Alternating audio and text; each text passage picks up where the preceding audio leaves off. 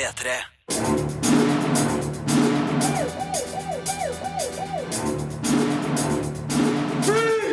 Filmpolitiet! What's your name, dude? Birger Vestmo.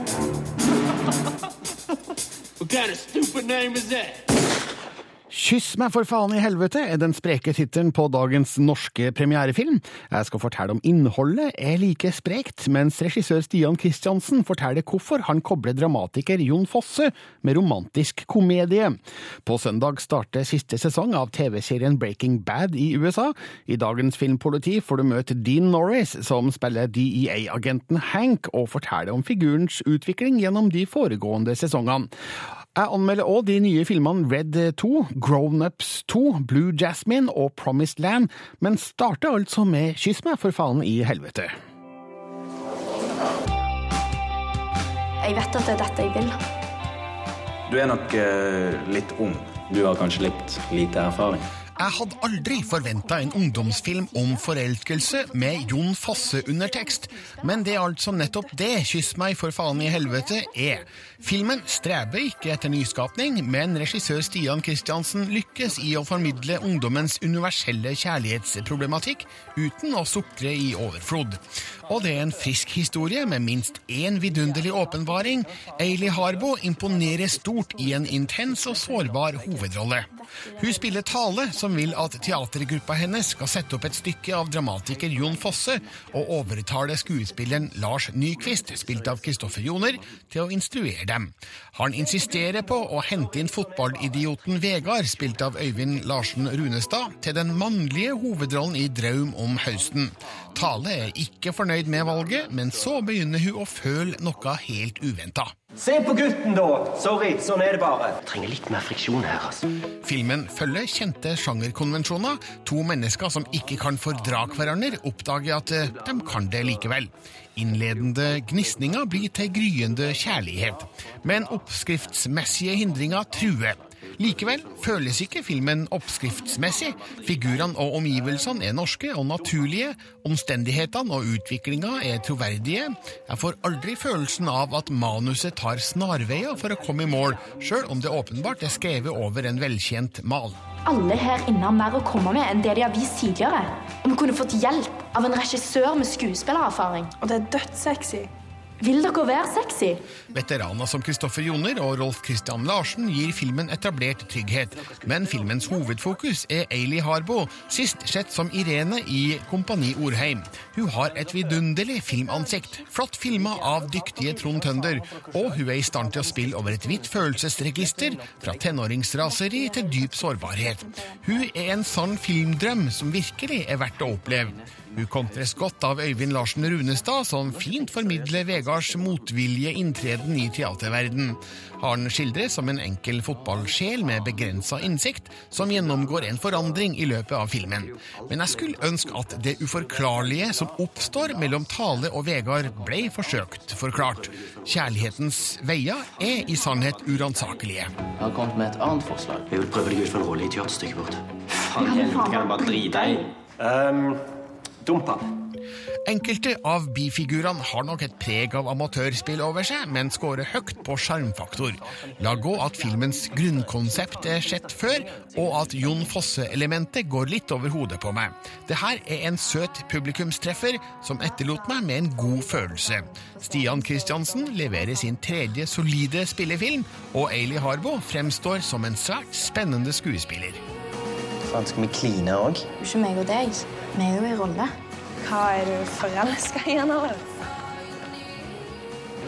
Dette er Filmpolitiet på P3.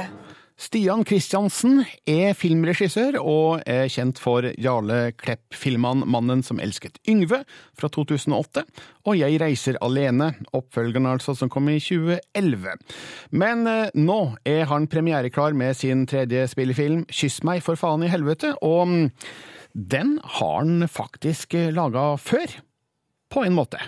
Ja, nei, det var jo en ganske eh, Hva skal jeg si Amatørmessig og litt sånn uh, liten utgave av denne her. Men opprinnelig så var 'Kyss meg for faen i helvete' en, en kortfilm jeg gjorde i 2002. Det er min eksamensfilm fra den gang Høgskolen i Stavanger. Uh, Da gikk jeg ett år på film- og fjernsynsproduksjon før jeg begynte på filmskolen. Og da lagde jeg den filmen første gang. Så jeg har jeg beholdt tittelen. Så har jeg beholdt litt sånn hovedhistorien, men vi har jo virkelig utarbeida dette til å bli en langfilm, da. Så eh, jeg tror hvis du hadde sett den nå, så er det ikke så veldig mye du hadde kjent igjen, egentlig. Blir den med på DVD-en, kanskje? Eh, nei. Det er litt sånn eh, Ville du lagt opp bryllupsvideoen din, liksom? Det, er, det føles veldig sånn eh, Jeg har klippet den sjøl, og jeg føler liksom at jeg har lært litt i løpet av ti år, da, så jeg, jeg Dessverre så orker jeg ikke å se på det. Det er litt sånn Men hvorfor ville du tilbake til den eh, ideen fra elleve år tilbake? Ja, nei, altså Min lærer for den gangen, da, Hans Erik Vokto, han syntes jo dette var veldig bra, da. Så han uh, syntes jo at eh, dette her måtte jeg liksom elte videre. og Dette var jo en potensiell pilot, mente han. Akkurat der og da, i 2002, så var jeg veldig ferdig med filmen sjøl. Men det, akkurat det han sa til meg der, det hang liksom litt sånn fast, da. Så etter jeg hadde lagd 'Mannen som elsket Yngve', så satt jo jeg meg ned og venta på telefonen fra Hollywood. Og den eh, kom jo ikke. Så da eh, spurte jo da min produsent eh, hva vil du nå, da? Og det var litt sånn I, I don't know. Har du ikke noen ideer? Og litt sånn, så Vi begynte å snakke litt sånn sammen, da. Og så dro jeg fram denne her ideen igjen, da. Første gang for egentlig ganske mange år siden. Men så fikk jeg det luksusproblemet at jeg lagde jo oppfølgeren til 'Mannen som elsket Yngve'. Så da ble 'Kysse meg for faen i helvete' lagt litt sånn på is. Men de siste to årene så har jeg jobba egentlig ja, kontinuerlig med den filmen, rett og slett. Eh, det er jo da eh, teater, eh, fotball og kjærlighet i sikte her. Eh, men sentralt er jo også et stykke av Jon Fosse. Nå må du kanskje forklare da til P3s lyttere hvem Jon Fosse er, for det er det ikke sikkert alle er klar over. Nei, jeg føler jo at filmen greier jo det, da, på en måte. Det er jo en slags sånn Hvem er egentlig Jon Fosse? sant? Eh, Men han er jo eh, en av Norges fremste dramatikere. Han, han skriver jo på nynorsk. Og er jo egentlig den norske forfatteren som på en måte er verdensanerkjent. Når jeg har pitcha denne ideen i utlandet, så har jo alle vært vel Å, Jon Fosse, sier de i Tyskland og i Frankrike og sånne ting. Men, eh, men akkurat Jeg har jo hørt rykter om at han spilles mer nå i verden enn Henrik Ibsen. Så, så det er jo egentlig vår tids Henrik Ibsen da, på en måte innenfor teaterverden, vil jeg tro. Og Da er jeg spent på å høre hvordan pitcha du dette til eh, Jon Fosse? Ja, nei, det var jo en litt sånn artig tur på en måte, fordi vi hadde jo egentlig nesten begynt å filme med, uten at han hadde sagt ja. Eh, og så Han har en manager i, i, i Sverige, litt sånn rockestjerne på en måte, da, som vi måtte gå via hun da i starten. Og da fikk vi liksom nei det, nei, det var ikke interessant, og lykke til med filmen. Og da var jeg bare sånn Å, herregud, nå, nå har jeg jo ingen film, egentlig. Det er jo ganske essensielt i, i historien, dette stykket hans, da. Men om han i hvert fall ville møte meg, da, spurte min produsent om. Og så sa han seg litt sånn Ja, ok, da. Få se, da. Jeg tror han er litt sånn vanskelig å få ut av huset når han sitter hjemme og tenker, da. Så, eh, men så dro jeg til Bergen, da. Med, med selvfølgelig to eksemplarer av eh, 'Drøm om høsten'. Som jeg uansett ville få signert, da, for sjøl er jeg jo veldig fan, da. Og så møtte jeg han, og så hadde vi en kaffe, og så satt vi egentlig bare og snakket om eh, kjærligheten og livet og havet og sånne ting. Og så fortalte jeg litt sånn etter hvert hvordan jeg hadde tenkt å gjøre dette her. Og at eh, litt av ideen med filmen er jo at de på en måte øver på dette stykket. Og han som på en måte blir med ufrivillig i dette her, han hater jo nynorsk. Og han hater jo forsorg, og det syns han egentlig var ganske morsomt. Det var en sånn ting han aldri hadde sett før. Hvordan var egentlig det å komme liksom bak sin egen tekst med noen som prøver å forstå han?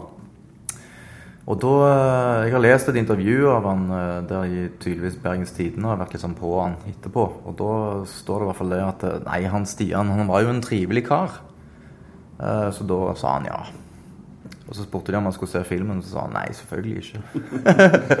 det synes jeg var litt kult. da. Ja. Men hvordan kom du på å bruke eh, dette stykket han skrev, eh, til å gi figurene dine en, en form for undertekst?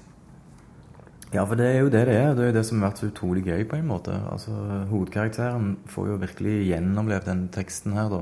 Samtidig som at karakterene på en måte gjennomlever ting i filmen, da, så, så, forstår de jo egentlig på en måte poesien da kommer mye mer fram som en slags sånn sannhet, da, denne teksten til Jon Fosse, ut fra deres opplevelser.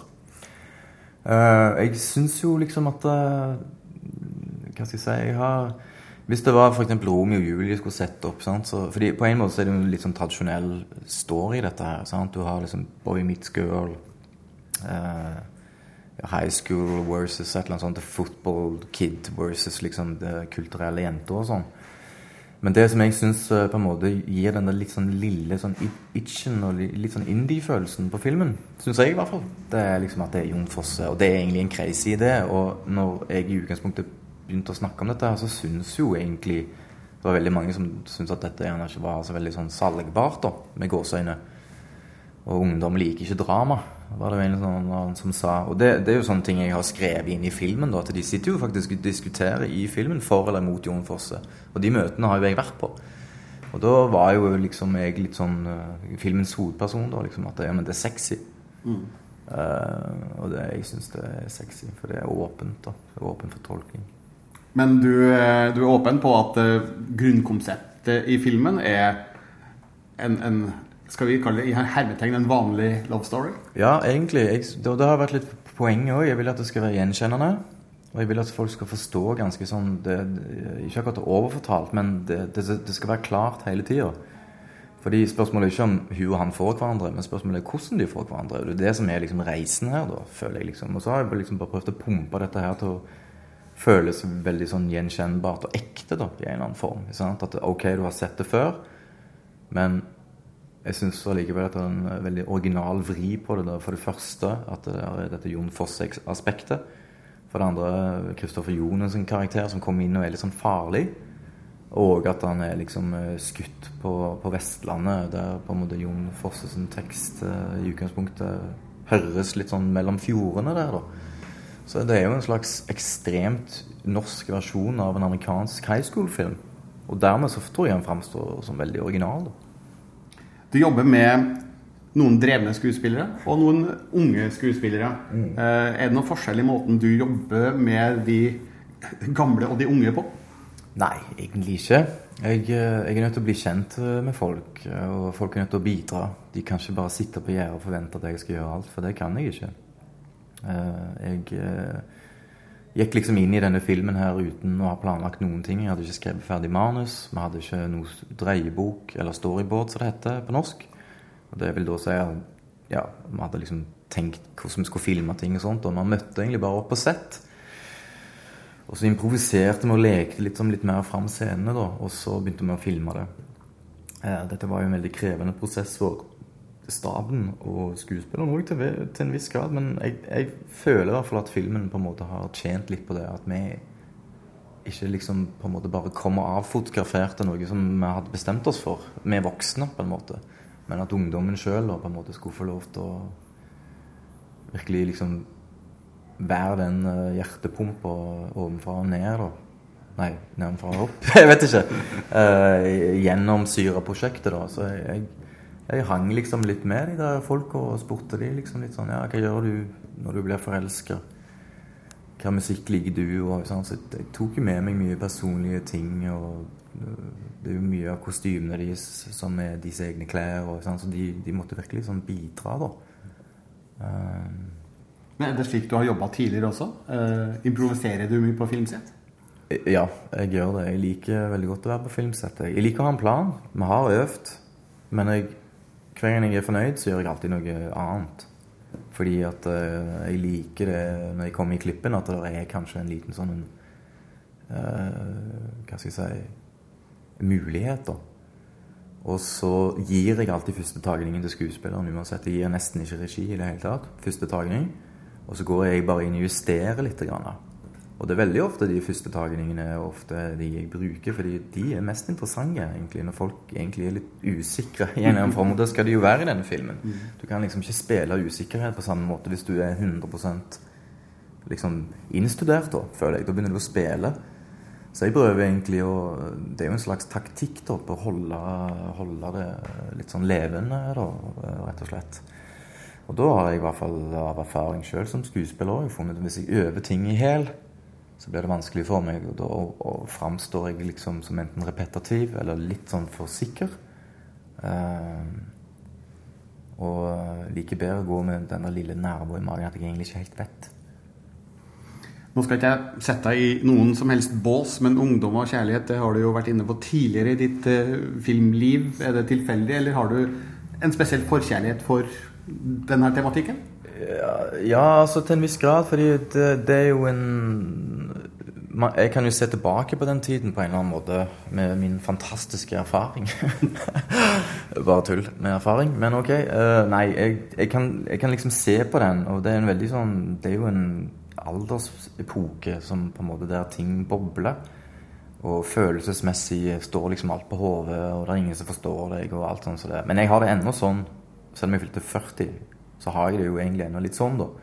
Så det er ikke dermed sagt at uh, i det øyeblikket du liksom fyller 30, så begynner det å bli kjedelig for film. For sånn er det ikke. Men um, jeg tror jo at uh, jeg skal lage de der filmene òg. Men jeg, jeg føler jo òg at uh, ungdomsfilmer i Norge er et veldig viktig segment. da. Uh, og jeg føler òg at det, det, krever et, et ekstremt stort ansvar om å lage sånne film, som ikke bare skal bli som popkorn-selgefilmer, på en måte. Eh, så jeg syns jo at det er kanskje en av de viktigste funksjonene en filmregissør kan ha i Norge. Det er jo å fortelle egentlig ja, ungdomshistorier fra Distrikts-Norge, liksom. Absolutt. Istedenfor 30-35 år gamle menn i Oslo. Det er jo nok av de som gjør det.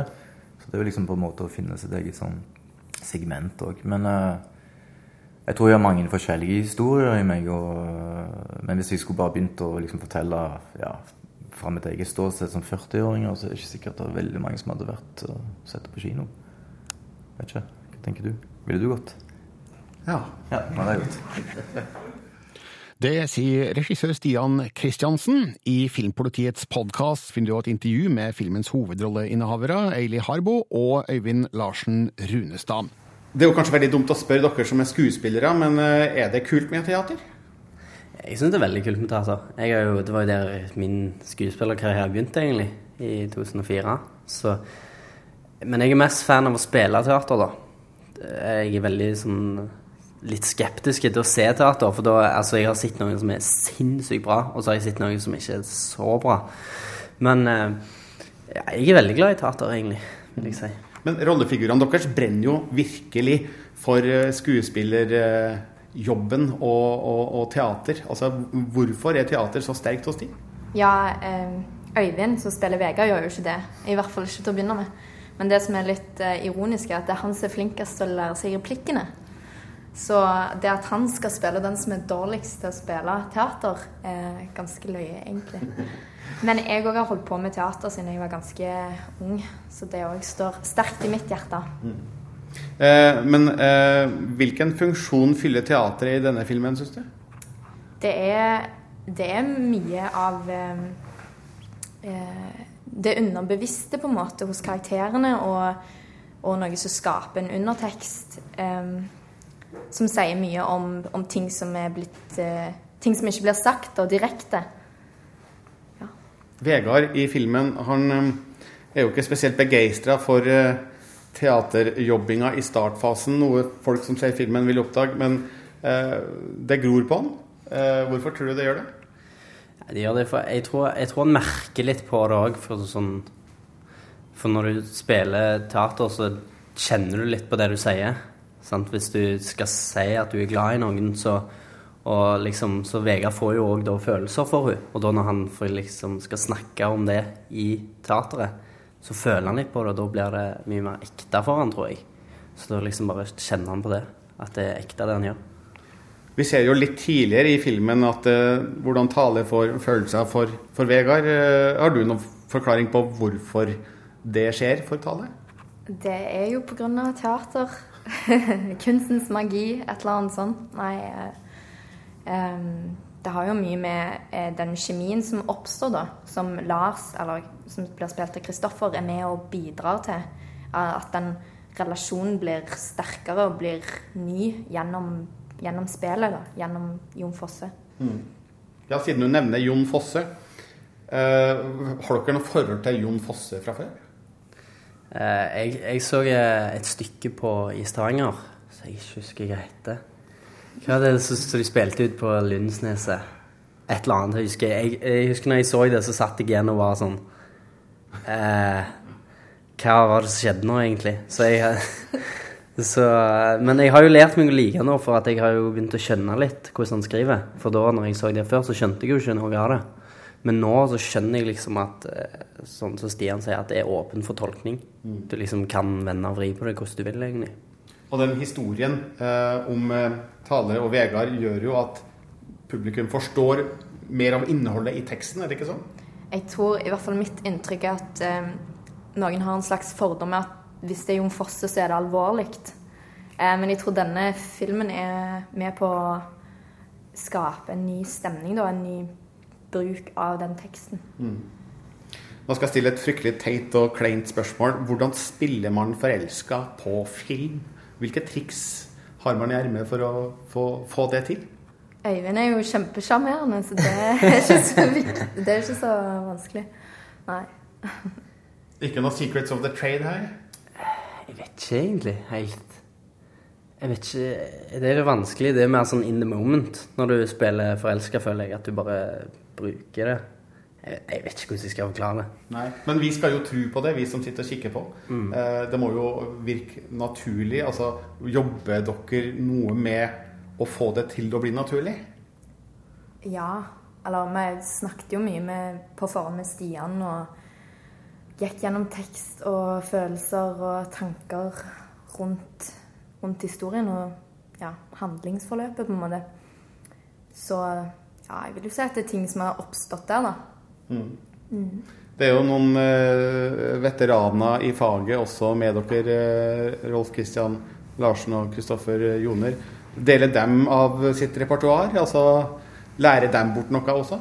Absolutt. Ja. De, eh, de er på sett eh, og gir av seg sjøl og vil at vi skal gjøre det bra.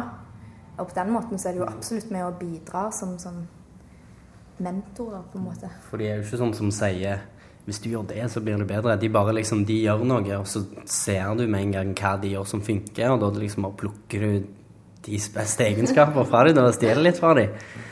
Og så Nei, altså når du er på, står og liksom spiller en scene med de, da, så blir det liksom Du merker mye forskjell på at de har gjort dette før, med ergo de liksom som ikke har gjort det mye før. For de gir så mye av seg sjøl, og da blir det med en gang ekte når du snakker med dem. De var jo en gang der dere er nå, eh, unge og forholdsvis ferske i, i gamet, hvis vi kan kalle det et game, altså i eh, skuespilleryrket. da. Eh, har dere ambisjoner, planer? Er det en stor karriere som ligger foran dere? Jeg håper jo det. Håper at, at jeg kan fortsette med dette. Hvorfor det? Fordi at det er det jeg brenner for. Det er det jeg, eh, jeg ønsker å formidle noe. Mm. Og det føler jeg jeg kan gjøre gjennom film og teater. Så når Tale i filmen proklamerer sin kjærlighet til teater, så er det noe du kjenner deg igjen i? Ja, absolutt. Eh, hva med deg? Er du også like glad i, i teater, eller? Eh, jeg er like glad i teater, vil jeg påstå, men jeg ser på det mer som en hobby. Altså Mitt mål er vel å jobbe bak kamera, liksom. Jeg vil ikke bli skuespiller. Det er mer en hobby jeg syns er sykt kjekt å gjøre. Jeg er så fotball er gøy å gjøre, men jeg skal ikke spille på United engang, liksom. Sant? Det høres litt rart ut for en fyr som nå spiller en hovedrolle i en ny film. Ja, nei, det, men altså, jeg syns jo det er sykt kjekt. Det er jo kjempekjekt å gjøre å få jobbe med sånn profesjonelle folk og liksom bare være med på det, men så det er liksom mer en hobby. Her skal jeg anmelde premierefilmen Red 2. Frank, what are you doing here? I need you. Look, I'm retired, okay? You haven't killed anybody in months. That's a positive thing. They're coming. I can feel it. Da jeg så Red 2, innså jeg at jeg egentlig ikke husker særlig mye av Red 1. Jeg aner at det samme vil være tilfellet om du spør meg om Red 2 om noen uker. Det her er en lettkonsumert actionkomedie uten varig verdi. Men du skal være bra surmaga om du ikke føler et snev av underholdning. Den store spenninga uteblir riktignok, men jeg er en enkel sjel og syns det er helt greit å se Bruce Willis, John Malkovich og Helen Mirren leke seg med vill skyting og store eksplosjoner. 96 hours ago, somebody said you and I took part in an operation called Nightshade. De pensjonerte CIA-agentene Frank, spilt av Willis, og Marvin, spilt av Malkovich, må igjen hente fram gamle ferdigheter når noen forsøker å drepe dem pga. et gammelt oppdrag som ingen av dem har kjennskap til. De drar med seg Franks kjæreste Sarah, spilt av Mary Louise Parker, på tur til Europa for å finne ut hva det her gjelder, og hvem som står bak. Samtidig er deres gamle britiske agentvenn Victoria, spilt av Helen Mirren, hyra til å drepe dem. Hvis ikke verdens beste leiemorder, Han, spilt av Byung-hun Lee, gjør det først. At the height of the Cold War, a Megaton device was smuggled into Moscow piece by piece and then reassembled. The scientist was Edward Bailey. He's in an asylum for the criminally insane. Jeg skjer det på skuespillerne at de koser seg. Det her er ren lek og moro for dem. Det smitter over på meg. Sjøl om filmens body count er betydelig, ligger smilet aldri langt unna. Det er en god kjemi mellom hovedaktørene, spesielt trekløveret Willis, Malkovich og Parker, sjøl om manuset gjerne kunne ha utstyrt dem med flere treffende kommentarer. Jeg humrer flere ganger, men ler sjelden himmelhøyt. 11 million people are gonna lose their lives if you don't help me. Is there any way you could tell us where the bomb is? I invented it. Filmens regissør Dean Parisow har sørga for at den aldri står i ro. Her er vi alltid på en kontinental tur, fra by til by, uten store muligheter for å føle kjedsomheten kom krypende. De mange actionsekvensene er hardtslående og høylytte, men er designa for aldersgrensa PG-13, 15 i Norge, og er dermed blodfattige.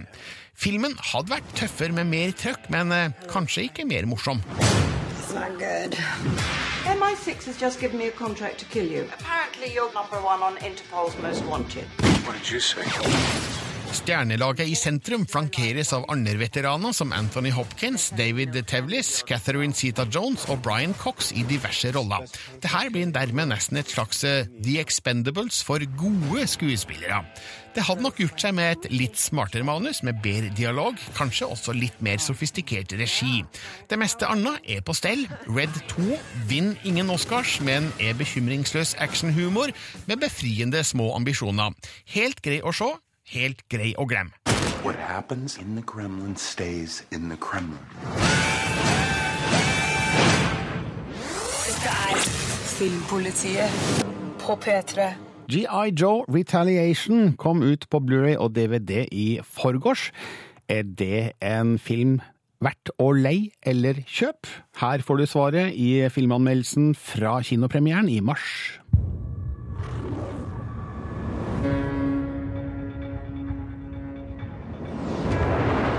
Make a difference. Make ready, let's go! Jeg likte den første GI Joe-filmen fra 2009. Denne oppfølgeren, GI Joe Retaliation, er ikke like god. Den byr på barske bøller, høy støy, forrykende fart og vasse voldsomheter, men regissør John M. Chu går seg litt vill i effektene og glemmer å fortelle oss en historie. Jeg kjenner at interessen glipper etter den første timen. Når det er sagt, er det vel få som går til en slik film med forventninger om annet enn to timer med hjernedød action, og nettopp det fikser filmen i en fei. GI Joe-soldatene er på oppdrag i Pakistan når de uventa blir angrepet av amerikanske tropper. Kun tre overlever, bl.a. Roadblock, spilt av Dwayne Johnson. De går i dekning og reiser hjem til USA for å finne ut hvorfor og ta hevn. Det viser seg at deres gamle nemesis, Cobra Commander, spilt av Luke Bracey, har skumle planer, og at den amerikanske presidenten, spilt av Jonathan Price, er involvert. Det er åpenbart fra første stund at regissør Chu ikke har tenkt å kjede oss et eneste sekund. Historien tar oss fra den ene actionsekvensen til den andre. Pratescenene imellom er korte og konsise og inneholder ikke mer informasjon enn akkurat det som trengs for å få historien videre. Det smeller høyt og ofte, men kun glimtvis lar jeg meg imponere. Filmens beste sekvens er helt klart en halsbrekkende jakt nedover et fjell, med rappellering på et relativt spektakulært nivå.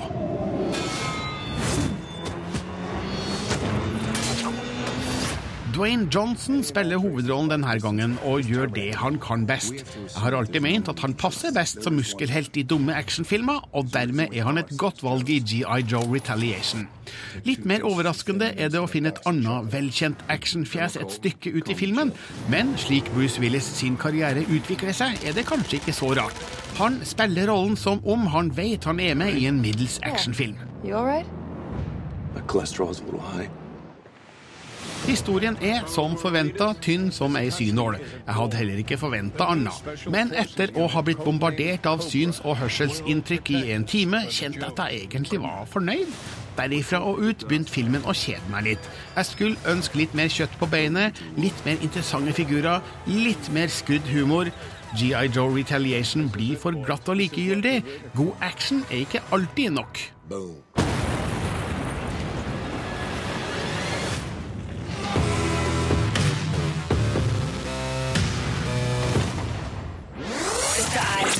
Filmpolitiet på P3. Det er oppgjørets time i Breaking Bad. TV-serien som fikk 13 Emmy-nominasjoner i år, starter sin siste sesong søndag i USA. Breaking Bad handler om kjemilæreren Walt Whitman, som fikk kreft og begynte å lage metamfentamin for å skaffe penger til behandling og for å sikre familien når han går bort. I fem sesonger har agent Hank Schrader vært på jakt etter meth-kongen, og hele tida har han vært rett under nesa hans, for Walt er svogeren til Hank. Likevel vil vi kalle Hank en av TV-historiens beste politimenn. Vi har møtt Dean Norris, som spiller Hank Schrader, og gjør oppmerksom på at dette intervjuet inneholder noen avsløringer av ting som har skjedd så langt i serien. Hey, buddy, I am the brains and the brawn. I'm the whole package. Etter fem sesonger Breaking Bad er det umulig å ikke like politiagent Hank Schrader. Han har også vist seg å være en sjeldent bra politimann. I'll meet you morons downstairs. He's perceptive, although you might not think so because he hasn't caught his brother-in-law yet. But he has been right about Gus Fring and Jesse Pinkman, and he's been right on the trail, even though people of the rest of the DEA have, have not trusted him and kind of kind of not helped him out. I think one of the great things about him is he has a moral core, as opposed to uh, everybody else in the show. Everybody else in the show. He uh, and he has this passion to do the right thing, and uh, it gets him it, to his detriment, and it's gotten him in trouble in season three where. Uh, he wouldn't lie about beating up Jesse Pinkman, cost him his job, could almost cost him his life. And I think that that he's he's dogged. He's a pit bull. He's just he, he you know he won't stop until he gets it right. And he knows that these guys haven't got it right. He knows this guy's out there, and he wants to beat him. And I think it's that drive that makes him a good cop. Hank er så å si den eneste i Breaking Bad med moralen i behold. Serieskaper Vince Gilligan har hele veien bygget ut rollen til Dean Norris fordi han er så bra. Hey, uh, something I need to know about? What? Oh, that? Nah, man. We were just uh, singing your praises. Where did that come from that you're the perfect cop? yeah, I don't know. For this kind of cop, I don't Yes, know if I'm the perfect kind of cop, cop. in, Yes, in general, yes, yes. but I think he was the, Yeah. the guy for, for Hank. I think it was being able to do the the kind of bravado and the kind of you know the kind of guyness, and just, and be able to get away with it maybe because for some reason. I can do that without people hating him too much, you know. And then he layered on as the years went through. He layered on more, um, um, you know, that you saw that he was vulnerable inside, and that he had other hurts, and that he had some PTSD, the, um, the um, from the stress from from shooting and, and things like that. And once you started seeing that, you said, okay, it's not just a, you know, you see why the guy has a hard shell because the things you have to deal with, you need a hard shell. You need to be have that kind of bravado in order to get through it, you know. But he has really, like most characters, uh, some rough times. And what has been your darkest moment? Well, certainly after he got shot in the parking lot with the uh, with the Mexican cartel guys, and then he had to live with uh, all that he wanted to do, which is to be a DEA agent and, and, and get the bad guys, and he couldn't do it, and he was kind of chopped down as a man. I thought that was really, really, it was a tough time for Hank, and uh, there's a moment before he uh, gets shot, where he, he, he sits on the bed with his wife and he tells her that uh, he just doesn't think he's the man that he that he thought he was, and it was such a it was really hard for Hank at that. You know, it's hard. It gives me hard to say it even now that I you know I think he said I just I just don't think I'm cut out to be a you know a cop. The universe is telling me something, and for that kind of a man to get to the point to admit that was something that was uh, I I think that was in a way the lowest point for him. I think I'm done as a cop. I siste episode av Breaking Bad så vi at Hank endelig forsto at det er svogeren Walt som er meth-kongen Heisenberg. Det er oppgjørstid, og siste sesong blir Hanks viktigste. Men vi holder jo fortsatt litt med Walt. Walt is become this monster in a way, and we still root for him. Why do you think that is? I think you have to examine your own soul for that. I don't root for him. No, uh, I think that's the you know part of the great appeal of the show. It's certainly it's, it's part of the greatness of Brian Cranston, who's able to portray that character in a way that you still you still root for him, even though he's. I don't know that you're going to root for him this season, but we'll see. Det var Mona B. Riise som hadde møtt Dean Norris, og søndag er han tilbake som DEA-agenten Hank Schrader i Breaking Bad på amerikanske TV-skjermer. Starten i Norge er 1. september på TV-kanalen Max. Jeg kaster meg over nok en av dagens kinopremierer, Grown Ups 2. Remember we used to come here after we got wasted. What's wasted? Uh, when you have a hankering for ice cream. Well, I want to get wasted. I want to get totally wasted. I want to get chocolate wasted. Jeg forsøker å stille til enhver pressevisning med åpne øyne, men må innrømme at forventningene til Grown Ups 2 var lave. Jeg hata eneren, som er kalt flau, trist og kjedelig. Oppfølgeren er litt bedre, men ikke mye. Terningkastet er det samme, to.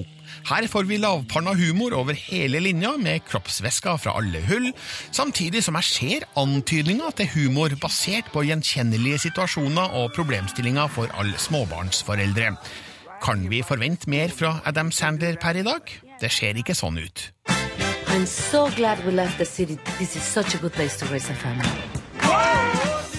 Det starter komplett idiotisk med et dyr som urinerer over Adam Sandler. Det er som om regissør Dennis Dugan har tenkt at han like godt kan flagge nivået på humoren med en gang, så kan dem som vil gå, gjøre det. Deretter introduseres vi for en gjeng familiefedre som fremdeles har problemer med å bli voksne. Jeg har problemer med å beskrive en spesiell historie i filmen. Det er egentlig bare en serie hendelser som leder opp til en vill fest. Riding your bike to school in the morning. You couldn't do that in LA. Yeah, thank God there's no crazy people out here. Filmen er dum over hele linja, til tross for mange gode navn på rollelista. Ved siden av Sandler finner vi blant annet Kevin James, David Spade, Chris Rock, Salma Hayek, Maya Rudolph, Maria Bello, Nick Swardson, Steve Buscemi og Shaquille O'Neal. Alle spiller med det de har, eller ikke har, av komisk talent og timing. Jeg tror alle vet hva de er med på. Dette er billig humor, retta mot et billig publikum. Og siden jeg må innrømme at jeg lo på visse steder, kan det godt hende jeg er litt billig. You. Sandler gjør det han må i hovedrollen som Lenny, og det er ikke mye. Han ser ut som han er på ferie foran kamera. Sandler har vel spilt mer eller mindre den samme rollen i snart 20 år nå, og har tjent seg søkkrik. Han synes å være fornøyd med det, mens jeg skulle ønske han hadde våga seg på en film der han kun utforska de lovende taktene han viste som dramatisk skuespiller i Punch Drunk Love. Men Grown Ups 2 er ikke den filmen. Dette er en slik film der Sandler ler når han kommer på settet og tenker det her blir jeg betalt millioner for å gjøre. Put your hands in the air. And wave them like you just don't care. Say ho! Say ho! En ting å se opp for her er Taylor Lautner. Han er faktisk morsom som lederen for en gruppe fratboys. Og rulleteksten avslører at en av kompisene hans er Patrick Schwarzenegger, sønn av Arnold. Og det er vel det jeg husker best fra Grown Ups 2. Resten skal glemmes raskest mulig, før Adam Sander rekker å skrive manuset til Grown Ups 3 på nærmeste serviett.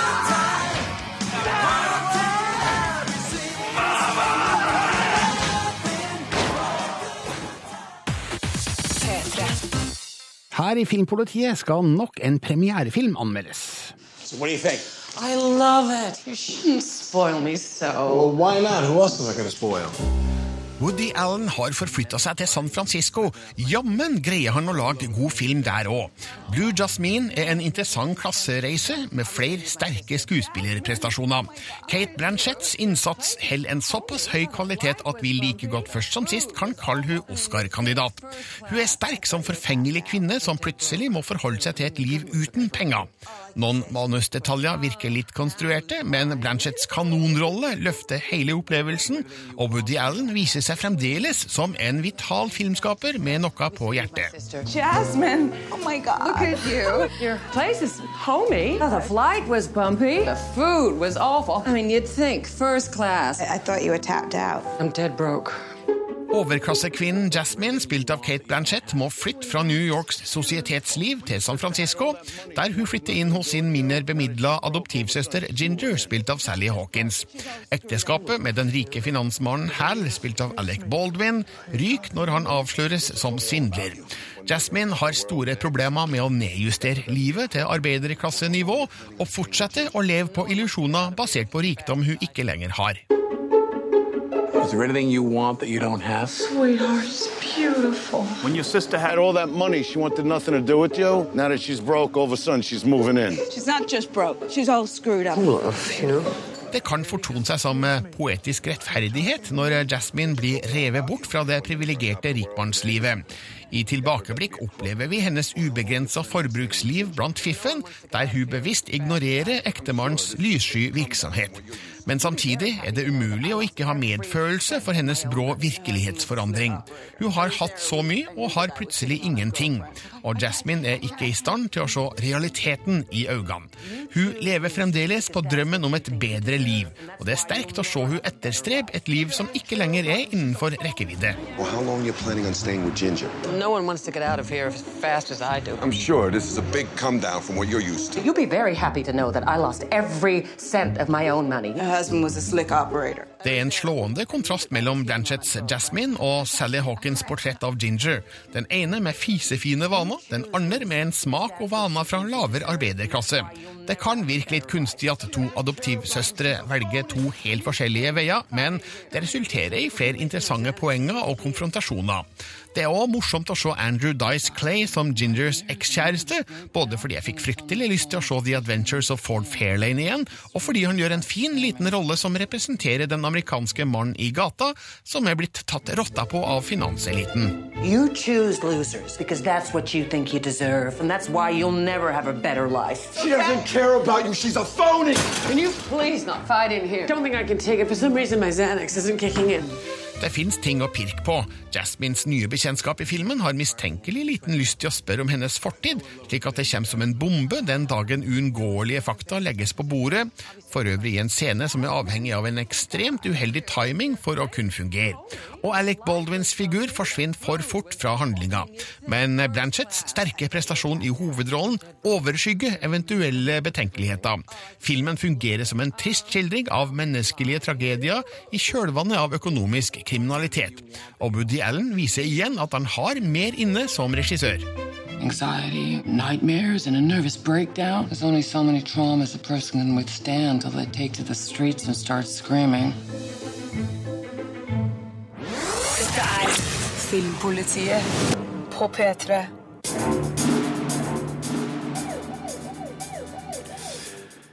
Innspillinga av Død snø 2 er nå i gang for fullt. De første minuttene ble innspilt eh, tidlig i år eh, for å vise frem eh, noe under filmfestivalen i Cannes, men nå er altså hoveddelen av filmen under innspilling. Og det skjer akkurat nå på Island, som da skal forestille Nord-Norge. Og grunnen til at innspillinga foregår der, er at det er billigere å lage film på Island enn i Norge. Man får mer film for pengene, sier produsent Terje Strømstad i en pressemelding.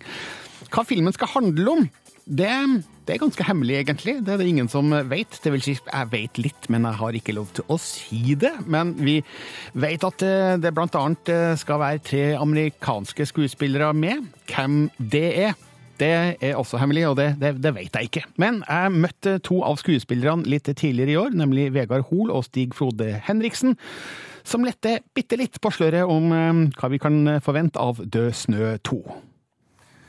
Filmen begynner akkurat hvor den andre slutta. En større produksjon, mer galskap, men med god humor og deilig vold. Stig Frode Henriksen, du eh, har skrevet filmen sammen med Vegard og Tommy Wirkola. Og du er faktisk også med i oppfølgeren som skuespiller, eh, sjøl om du ble jo vitterlig myrda i den første. Ja, men vi har, eh, Siden jeg er medforfatter, så, så kunne, jeg, kunne, jeg, være med og skrive en rolle til meg sjøl i oppfølgeren også. Vi har en, så, en såpeoperaløsning på det som er ganske morsom. Sånn, nei, jeg, jeg, spiller ikke samme karakteren, men kan hende han er i slekt med han. Hvordan tror du Død snø 2 blir mottatt? Altså, har den et eh, basepublikum nå som venter på mer? Ja, den har jo den har fått sin fanskare rundt, rundt, i verden, faktisk, ganske mye. Og uh, jeg tror den kommer til å gå, bra i Norge, men jeg tror også at den kan, kanskje kommer til å gå enda bedre ut i verden. Vi spiller den inn både på norsk og engelsk. Så vi har også vi har tre amerikanske skuespillere med, så det er mye av dialogen foregår naturlig på engelsk allikevel. Så. Vegard, du har jo da altså allerede spilt inn de første minuttene av filmen. Eh, resten kommer senere i, i høst. Hvordan må du forberede deg til å gå gjennom en ny blodmølle, eller hva vi skal kalle Død snø 2? Uh, nei, når jeg tenkte tilbake på hvordan det var å spille inn én, så er det jo sånn at du, som når du tenker tilbake på en sommer, så husker du bare de flotte dagene. og sånn. Så vi skjøt i 16 minusgrader, og så begynte jeg å huske hvor klissete det blodet var. og sånn. Så forberedelsene er strengt tatt at jeg må trene meg opp litt for å klare å holde og gjøre scener to ganger på to språk. Og så er det ikke så mye å forberede i forhold til hvordan du reagerer når det kommer nazizombier springende mot deg. Du må bare kjempe for livet. Du kan ikke planlegge for meget. Så det er, det mest fysikk, og så kanskje øve litt på engelsken. Stig Frode, kan du avsløre hva, hva du må forberede deg på? Jeg, skal, jeg, er ikke, jeg, er ikke, jeg, er ikke, veldig tung i utgangspunktet, men jeg skal gå ned sånn, jeg har gått ned to kilo. Jeg skal gå ned fire, fire og et halvt kilo til, bare for at karakteren min trenger å være litt feminin i fysikk. kan du si. Like a little flower. Ok, Der hørte Stig Frode Henriksen og Vegard Hoel, som um, begge er med i um, oppfølgeren til Død snø, Død snø 2. Innspillinga starta altså for fullt i uh, går, og filmen får premiere vinteren 2014. Dette er, Dette er P3. P3. Og her skal jeg anmelde premierefilmen Promised Land. You sign this lease, it gives us the right to drill on your land. A whole lot of money down there. That is true. How much you think? There's no reason your town shouldn't have a state-of-the-art high school. What kind of money are you talking about? You could be a millionaire. Så du vil ha et tidsriktig miljøbudskap pakka inn i søt historie med flinke skuespillere? Vel, Promised Land er filmen for deg. Matt Damon spiller hovedrollen i Gus Van Sants velskrudde film om storselskapet som vil invadere en liten småby med miljøfarlig gassproduksjon. Filmen tar opp viktige problemstillinger som mange amerikanske lokalsamfunn er nødt til å forholde seg til i dagens økonomiske situasjon. Handlingas konklusjon signaliseres god tid i forveien og gjør det her til en smule forutsigbart, samtidig som Van Sant sukrer litt mye. Men det her er et hyggelig drama med en god Damon i spissen. Can't believe this is right outside the city. It looks like Kentucky. Two hours outside any city looks like Kentucky. Gasselskapet Global sender to representanter til et lite samfunn på den amerikanske landsbygda. Steve, spilt av Matt Damon, og Sue, spilt av Frances McDormand, skal kjøpe rettigheter for utvinning av naturgass fra jorda, og love store penger til grunneierne. Men de møter utfordringer i form av en litt for kunnskapsrik ingeniør, spilt av Hal Holbrook, en sjarmerende lærer, spilt av Rosemarie DeWitt, og miljøverneren Dustin, spilt av John Krasinski, som kommer til byen for å bekjempe planene. See, I know everything about your company. I know what you do. I know how to beat it. You know how to beat. Wait, no. Oh, okay. By by by by uh, uh, telling both sob stories and singing Springsteen. Sorry. You seem he really You is a kid that doesn't understand that he is in way over his head on this one. De potensielle problemene ved en slik gassproduksjon forklares på enkleste vis i filmen ved å la miljøverneren forklare prosessen til en skoleklasse. Metoden for å utvinne naturgass kalles fracking og kan forårsake miljøproblemer. Kjemikalier som pumpes ned i jorda, kan bl.a. gå over i grunnvannet og forverre luftkvalitet. Filmen beskriver godt hvordan Damons figur er blind for det her og drives av andre hensikter. Hans intensjoner er gode. Han vil unngå at den lille byen lir samme skjebne som hans egen. Han vil skape arbeidsplasser og bevare livet i byen, men til hvilken pris? Dette er et interessant dilemma som filmen belyser fra flere sider. Mr. Butler, you and I both know the information I've been talking about vast and detailed. Uh, you're probably right. I'm certainly I'm not the guy with all the answers. Oh, well, then you'd be the perfect guy for them to send here to deny everything. Matt Damon gjør det han kan best, nemlig å spille en eh, hvermannsen. Hans naturlige opptreden i hver scene gjør figuren hans troverdig og oppriktig. Også Frances McDormand er god som kollegaen Sue, som har en litt mer kynisk innfallsvinkel til jobben de skal utføre. Jeg liker John Krasinskis sympatiske miljøverner, som gjerne tyr til skitne triks i kampen mot Global. Og jeg har stor sans for 88 år gamle Hal Holbrook, som bidrar med gammel visdom i filmen. Persongalleriet består altså av gode mennesker, med enkelte unntak. Hi, everybody. I'm here because my farm is gone. The land just turned brown and died. It's happened to one of us, Det er kanskje litt for enkelt å se hvor handlinga bærer hen. Det kan ikke en på så mange andre måter enn det gjør. Vi må imidlertid tåle en vending i historien som jeg ikke er helt sikker på sannhetsgehalten i. Det som skjer virker ikke helt logisk, men det fins vel verre konspirasjoner som er sanne. Og det er pakka inn i en trygg og god ramme. Regissør Gus Van Sant har nok laga sprekere filmer enn det her, men Promised Land fremstår likevel som et fint drama om et stykke småby-Amerika med tidsriktige pengeproblemer. We're a nine billion dollar company. Do you know what we're capable of? Do you? Dette er Filmpolitiet på P3. Hør flere podkaster på nrk.no podkast. P3.